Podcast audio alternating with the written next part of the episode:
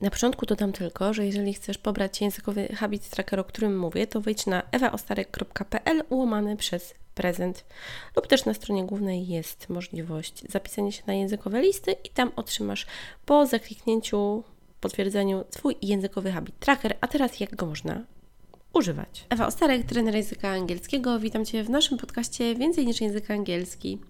Dzisiejszy odcinek to nawiązanie do jednego z popularnych odcinków mojego podcastu o językowym habit trackerze, a między innymi to, a w zasadzie to, co można wpisywać do językowego habit trackera raz jeszcze. Językowy habit tracker to odcinek 15 mojego podcastu Więcej niż język angielski, więc zachęcam Cię też do zajrzenia sobie tam. A potem możesz wrócić też tu i pomyśleć nad swoimi własnymi inspiracjami i pomysłami. Na początku krótkie przypomnienie. Habit Tracker językowy to jest taka tabelka papierowa lub online, do której wpisujesz sobie najważniejsze rzeczy, które zrobisz z angielskim, które są związane z Tobą, które są lekkie, przyjemne i wpisujesz sobie od 3 do 5 rzeczy, codziennie robisz jedną. To Ci zajmie od 1 do 2 minut dziennie, więc każdy jest w stanie znaleźć ten czas, tylko to jest kwestia, żeby to zaplanować. I teraz, co tam można wpisać? No bo czasem już ok, tabelka jest, gotowość jest, ale co? Cztery zdania z rana, cztery pytania lub cztery zaprzeczenia, które sobie wymyślasz, a jeżeli masz wyzwanie z tym, co wymyślić, to możesz znaleźć sobie temat z listy pytań do konwersacji angielskich, a jak szukasz jakiegoś słowa, to możesz sobie znaleźć dane słowo w słowniku, na przykład diki.pl.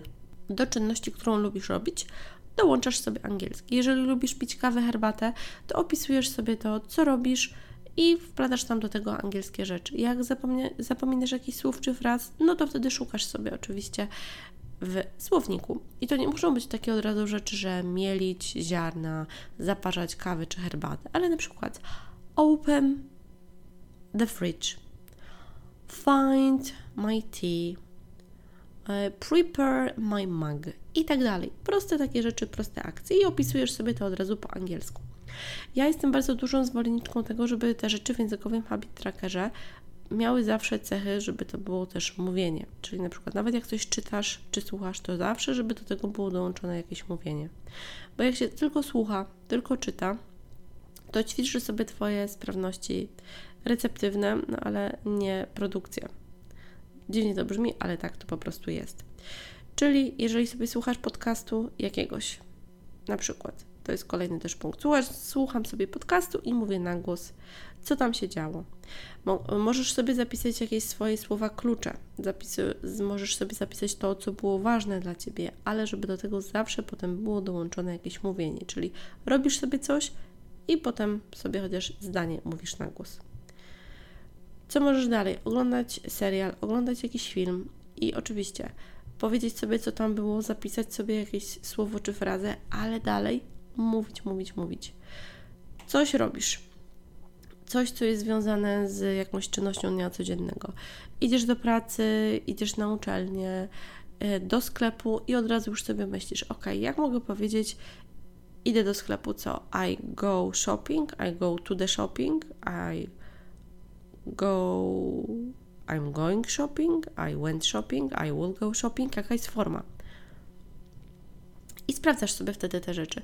Nawet jeżeli są pewne elementy, które powiesz źle, to spokojnie nic się nie stanie, bo naprawdę to nie jest tak od razu istotne, żeby zawsze w 100% mówić wszystko poprawnie. Ty się pewnych rzeczy uczysz, więc popełnienie błędów też jest normalne. Więc takie właśnie myślenie, jejku, jak ja coś powiem, to potem się od razu tak nauczę i będę mówić źle. To tak od razu nie jest. Naprawdę trzeba coś wiele razy powtórzyć, żeby się czegoś y, nauczyć w zły sposób. A jeżeli już masz takie obawy, to znajdź sobie dane słówko, poświęć ten czas, sprawdź daną wymowę i wtedy dopiero działaj. A jak się zastanawiasz jeszcze, jak coś można zrobić, to możesz zawsze poszukać sobie inspiracji w internecie na dobrych i sprawdzonych stronach i wtedy działać.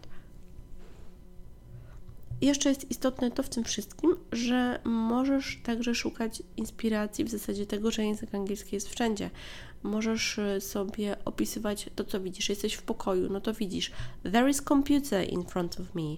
The lamp is on the desk.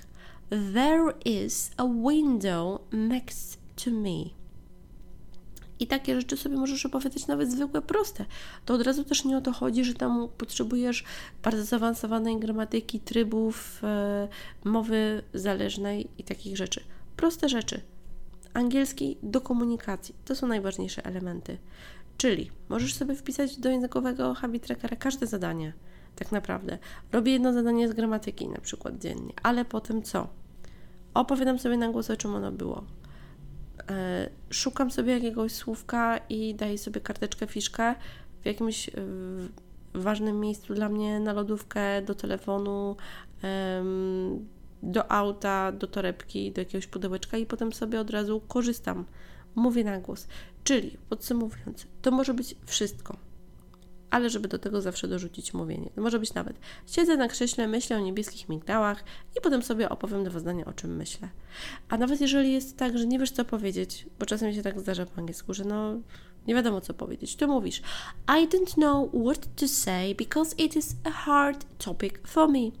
It's boring, I don't like it i takie rzeczy. Najważniejsze jest to, żeby po prostu działać. Czyli do wszystkich zadań, które robisz, dorzucić mówienie. Mam nadzieję, że to była dobra dla Ciebie taka inspiracja, co może być w językowym trackerze. Powodzenia, daj znać jak Ci idzie. Cześć!